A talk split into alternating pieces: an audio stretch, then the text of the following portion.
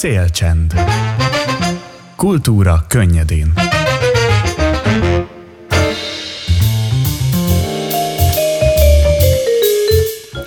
Hát sziasztok ismét, ez itt még mindig a Szélcsend az RDFM-en, én pedig Bugner Szidi vagyok. Nos, nem egyedül üldögélek itt a stúdióban, hiszen a Szélcsend mai vendége Harsányi Zsolt rendező, akivel a múlt vasárnap a stúdiószínházban bemutatott Bakelit Taxi Vinyl című előadásról fogunk beszélgetni a továbbiakban. Szia, köszöntelek szeretettel! Szia, üdvözlöm a hallgatókat is! Hát kicsit otthonos terep neked itt az RDFM, hiszen most pár másodperccel ezelőtt hallhattuk a hangodat egy apró bejátszásban. Igen, rég volt. Rég volt. Nos, múlt vasárnap 19-én volt a Bakeli Taxi Vinél című előadás bemutatója. A szöveget Alinán Légá írta és Patkó Éva fordította magyarra. Mesélj egy kicsit nekünk arról, hogy hogyan esett a választás éppen erre a szövegre. Nos, ez kicsit visszanyúlik az időben. Ezt a darabot, az Alina Nerega darabját 2008-ban láttam az Ariel Színházban. Akkor vitték színre, azt hiszem az volt az ős bemutatója. Én akkor így felfigyeltem a szövegre, nagyon tetszett, és úgy elraktároztam magamban, hogy egyszer majd valamikor foglalkoznék szívesen ezzel a szöveggel. Hát eltelt azóta 15 év, ugye, és hát ugye az egyetemen nálunk nem feltétlenül, vagy nem elsősorban rendezőknek nem az a prioritása, vagy az elsődleges szempontja, hogy hogy magukat valósítsák meg, hanem nekünk pedagógusunknak és az egyetemnek az is feladata és kötelessége, hogy a hallgatók egyaránt lehetőség szerint egyformán jussanak lehetőséghez.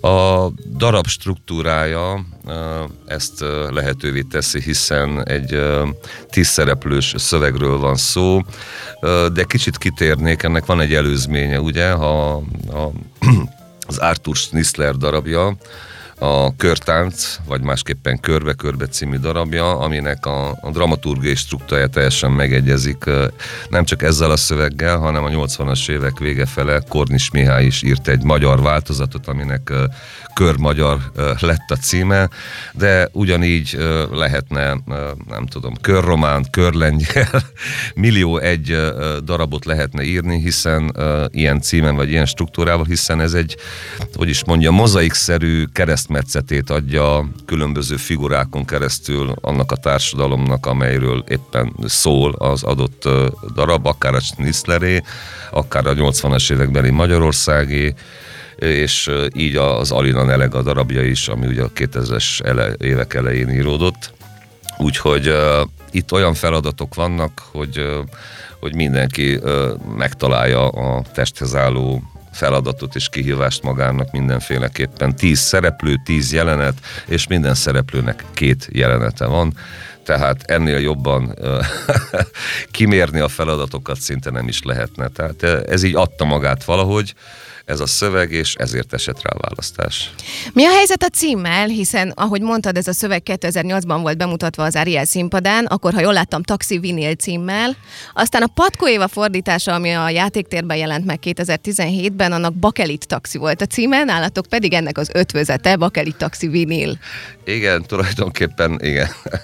Tehát ez úgy alakult, hogy azt éreztük, hogy mind a két megnevezés jó és használatos, főleg magyar nyelven, de inkább talán a bakelit, de a vinilt is mindenki használja és ismeri.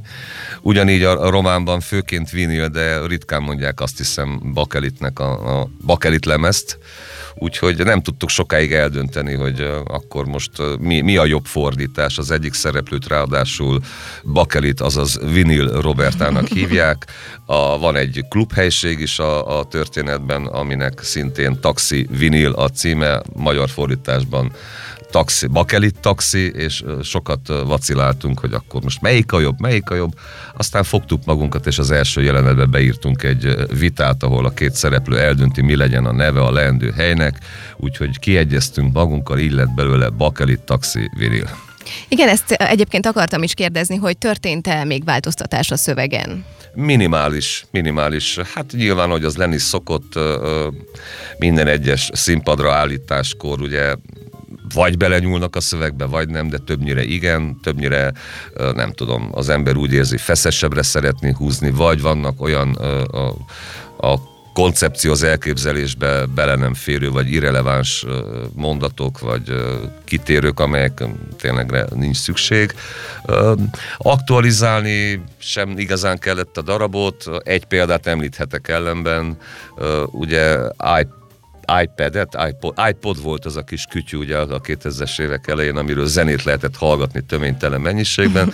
Na ugye ez most manapság már nem igazán mond semmit, vagy nem sokaknak, főleg a fiatal generációnak nem, hiszen olyan gyors léptékben változik a technológia, hogy úgy gondoltuk, ezt inkább átírjuk, és Spotify lett belőle.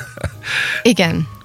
Úgyhogy ehhez hasonló kis változtatások voltak, meg néhol persze igazából a hallgatók szája íze szerint tettük mondhatóbbá a szöveget, tulajdonképpen, de ezek minimális változtatások. A szereposztás egyből egyértelmű volt, vagy, vagy ez is alakult abban a pillanatban, hogy elkezdtétek olvasni a szöveget? Nem, ez számomra így világos volt, tehát a végzős évfolyamon hiányzott két ember a tízből, tehát még meg kellett hívnom a szereposztásba a két alsóbb éves hallgatót, a magiszteri első évről, színészosztályból és a színész évről. Egy-egy fiút. Mondod, hogy, hogy Alinán Legát drámáját is tulajdonképpen Arthur Schnitzler ihlette, vagyis a körtánc, és hogy egy kicsit beszéljünk ennek bővebben a dramaturgiájáról, dramaturgiájáról hiszen nálatok is az előadásban egy folyamatos körforgást látunk. Igen, uh, tulajdonképpen, ha úgy tekintjük, akkor ez egy lazán összefüggő történet, hiszen a szereplők mind a tizen nincsenek közvetlen kapcsolatban, vagy nincs összefüggés közöttük közvetlenül, csak köz, közvetve, uh-huh. tehát tulajdonképpen ezek úgy függnek össze, hogy önállóan is megállják a helyüket ezek a jelenetek. Nyilván a kontextus kell hozzá, de hogy lényegében ez egy olyan dramaturgiai szerkezet, amelyet mondom, a végtelenségig lehetne egy drámaírónak mondjuk ezzel kísérletezni, vagy akár jó lenne, nem tudom, egy drámaíró osztályban, képzésben, akár feladatként is, hogy akkor egy ilyen struktúrájú elf szerint írjanak gyakorlatként színdarabot a hallgatók. Ez tulajdonképpen pedagógiai cél is volt, te is mondtad ezt, hogy minden hallgató azonos mennyiségű szerepet kapott körülbelül. Tehát igazából nem is, nem csak a mennyiségről van itt szó, a, a, a szerepnek van mennyisége is, meg minősége, minősége is. Minősége is, de tényleg ez, ez fontos számunkra, hogy, hogy olyan, olyan szövegeket állítsunk színpadra az egyetem stúdió színpadán, ahol tényleg mindenkinek lehetőség nyílik bizonyítania a képességeit, a tehetségét, és meg tudja mutatkozni.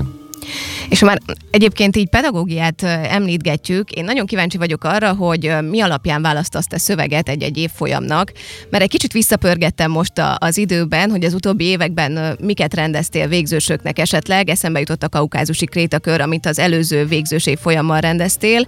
Aztán azelőtt pedig, ha jól emlékszem, volt egy részegek is, még 2017 környékén. És hogy az egyik ugye Brecht, ami egy klasszikus, és utána Viri Pajev részegek darabja viszont egy kortárs szöveg. Én, én úgy vagyok, én egyaránt szeretem a, a klasszikus műveket és a kortás műveket is, tehát a Viri Pajev tulajdonképpen nem egy stúdióradás volt, tehát nem egy végzős osztály vizsgáladás volt, az egy osztály, osztálytermi vizsga volt. Igen, ő egy kortás, de rendeztem azelőtt boldogtalanokat uh-huh. Füstmilántól, ugyanígy foglalkozunk Csehovval, tehát meg ugye Brechtel is. Tehát a lényeg az, hogy egyrészt ugye engem is megszólítson a szöveg, nekem is legyen vele, legyen hozzá közöm, akarjak ezzel mondani valamit, de ugyanakkor azt is néz, néznem kell, hogy megfelelő szereposztást tudja kialakítani. Szükségesnek látod egyébként, hogy az egyetemen tényleg mindkettőt megtapasztalják a diákok, tehát klasszikus szöveggel is dolgozzanak, és kortársal is? Mindenképpen, mindenképpen ezt gondolom. Tehát, hogy mint hogy a színjátszásban sem lehet megkerülni Stanislavskit és a lélektani realizmust, mert igazából minden abból, abból nőtt ki, az abszurdon keresztül, tehát minden tulajdonképpen. Mert ugye tulajdonképpen minden minden egyes drámai szöveg lényegében emberekről szól, az emberi viszonylatokról, a céljainkról, vágyainkról, és teljesen mindegy, hogy milyen játékkulcsban, játéknyelven fogalmazódik meg a színpadrállítás során az előadás, illetve a szöveg, teljesen, teljesen mindegy, de megkerülhetetlen. Visszatérve egy kicsit a Bakeli taxi vinére, ami abszolút kortárs szöveg, a szöveg mégis a realistának mondható, az előadás forma, formanyelve azonban nem az. Erről egy picit mesélsz nekünk? Igen, én azt gondoltam, hogy ez a szöveg megbírja, vagy én valahogy másképpen olvastam a sorok között. Igen, ez egy, mondhatni egy, egy realista, realista szöveg, de azt gondoltam, hogy a világa, ez a keresztmetszet, ez a mozaikszerűsége, egy kicsit hajaz a, a, a filmes uh, snittelésre, és tulajdonképpen jelenetek vannak, rövid jelenetek vannak. Azt gondoltam, hogy ez egy olyan fajta lüktetés van a szövegben, amihez egy valamilyen másfajta megközelítés kell, és igazából nincs recept arra, hogy mi milyen kulcsot találtunk, vagy milyen nyelve lett az előadásnak. Ezt így közösen a munka közben alakít. Nekem volt egy alapelképzelésem, uh-huh hogy ne realista legyen, és hát jönnek el a nézők, nézzék meg, tehát, hogy nincs interakció lényegében uh-huh. hagyományos módon vett értelemben, nincs interakció a színészek között, de mégis úgy tűnik, hogy ugyanolyan jól működik, tehát érzetben követhető a, az előadás. Igen, engem pont, pontosan ezt foglalkoztatott nagyon sokáig, miután megnéztem a bemutatótokat, hogy hogyan hangosodik fel egy belső monológ, illetve hogy hogyan lehet megteremteni szituációkat úgy, hogy közben frontális közlés történik, és a, a két színpadon álló ember tulajdonképpen nem néz egymásra, nem ér egymáshoz.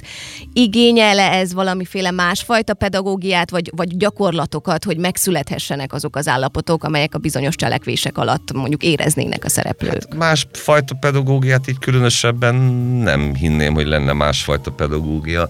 Tulajdonképpen uh, ugyanúgy kezdtük el kibontani a szöveget, mint egy realista uh-huh. szöveget. Tehát ugye a, a szereplők indítékai, céljai, vágyai, akadályai, amelyeket le akarnak küzdeni. Tehát tulajdonképpen minden drámai szöveg, vagy nem csak drámai szöveg, tehát a, aminek a, a, olyan mű, aminek ember a szereplője, annak, annak mindig céljai vannak. Boldogságot keres, nyugalmat kell, vagy valamit keres sikeres az életben, és tulajdonképpen amilyen akadályokba ütközik ezek során, a céljai elérése során tulajdonképpen az, ami egy dramatikus cselekvésben képeződik le, egy, egy, egy színdarabban, egy drámai szövegben is például. Tehát ebből indultunk ki, és közben volt az általam ajánlott forma, és tulajdonképpen megkerestük, hogy milyen eszközökkel tudjuk ezt mégis megfogalmazni, kiegészíteni, hiszen a, egy realista előadásban tulajdonképpen a, a, a befogadást, a nézőst segíti az a banálisnak tűnő valami, ami színpadi cselekvésnek nevezünk.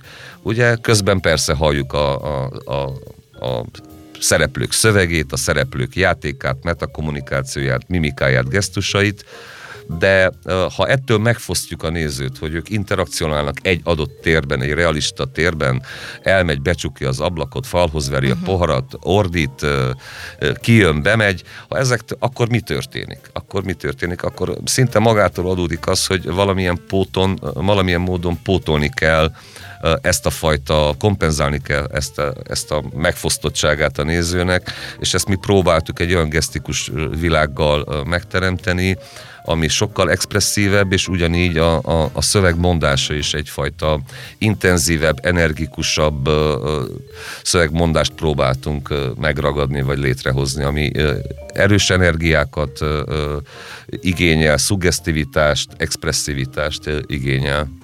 Mennyi időtök volt egyébként rá, tehát milyen hosszú volt a próba folyamat? Hát konkrétan a próba folyamatot mi elkezdtük egy, egy olvasó próba erejéig még a, a tavaly tavasszal, csak hát az egyetemi élet váratlan fordulatai miatt nem tudtuk folytatni és nem tudtuk bemutatni, és így ősszel is egymásra torlódott két munkafolyamat, én akkor hátrébb álltam egyel, hogy uh, tudjanak dolgozni a, a, az egyik kollégájukkal, egy szintén rend, egy rendezőszakos hallgatóval vitték színre Dobrovszki Dórával a Megyes kertet, és akkor én azután tartottunk néhány próbát, uh-huh. akkor leálltunk, és tulajdonképpen uh, januárban uh, folytattuk a munkát. Hát, uh, hát ahogy így számoltam, nem volt olyan túl sok próbánk, 31 néhány, 37-38 uh-huh. próbával sikerült végül ennyi állt rendelkezésre. És hogyan viszonyultak ehhez a szöveghez a hallgatók amúgy? Őket nagyon inspirált és megihlette, nagyon örültek ennek a formai ajánlatomnak, nagyon izgalmasnak tartották, hogy ezt a realista szöveget nem realista kulcsban akarjuk megcsinálni. Ez őket felvillanyozta, izgalmasnak találták és kihívásnak találták ezt a, ezt a formát. Mondtad is, és én is meg akartam kérdezni, hogy van két srác, akik nem ehhez az évfolyamhoz tartoztak, ők amúgy hogyan vették fel a fonalat a, a többiekkel? Hát, mintha mi sem történt volna, teljesen természetesen, tehát semmivel sem, semmiben nem érezhető az, hogy ők nem tudom, egy évvel vagy két évvel alatta vannak képzésben a, a végzős osztálynak, tehát hogy ez ebből semmi nem érzékelhető. Sőt, Muszáj még egy picit szót ejtenünk a jelmezekről, amelyek néhány közülük igazán extravagáns. Ez hogyan alakult a próba folyamat alatt? Hát azt tudnia kell a hallgatóknak, hogy nálunk elég nagy az átjárás az egyetemen, igyekszünk mindig összehozni a különböző szakon tanuló hallgatókat, úgy ilyen értelemben a teatrológus, dramaturg hallgatók, a látvány és diszlettervezők, a koreográfusok, a színészek, bábszínészek, tehát nagy az átjárás, és belőlük kerül ki tulajdonképpen legtöbbször az alkotócsapat. Van egy-egy vendégtanárunk, de tulajdonképpen az összes hozzájárulást tulajdonképpen a hallgatók kreativitással jelenti. Itt is a díszlet és látványtervező szakról dolgoztam együtt két, két hallgatóval, Pál Alexandrával és Balázs Bécsi Annával, illetve a vizuális részében segített nekünk a médiaszakos Nagy Mikolt Lázár, úgyhogy tehát, hogy mondjam, igazán tulajdonképpen nem éreztem azt, hogy soha, amikor így együtt dolgoztam velük, tehát azt érzem, hogy persze kezdők, és nincs olyan tapasztalatuk még, de hogy kreativitásban, tehetségben, teljes mértékben profi környezetben dolgozunk, tehát hogy Úgyhogy nagyon örvendek, hogy ilyen hallgatók kerülnek ki az egyetemünkről. Igen, és külön, külön nagyon jó, hogy, hogy történik közreműködés, és történik már az egyetemen belül ismerkedés, hogy aztán a későbbiekben mindenki, amikor elkerül valahova, ezek, ezek a kapcsolatok maradnak. Így van, hát ők az elkövetkezendő generációk, tehát ők itt alakulnak ki, nem csak munkakapcsolatok, hanem talán remélhetőleg életre szóló barátságok, barátságok is, is tulajdonképpen. Most már csak egy kérdésem van, hogy mikor láthatjuk legközelebb az előadást? Legközelebb legközelebb sajnos csak március 14-én sikerül műsorra tűzni a elég bonyolult és sűrű a játékrend a stúdióban.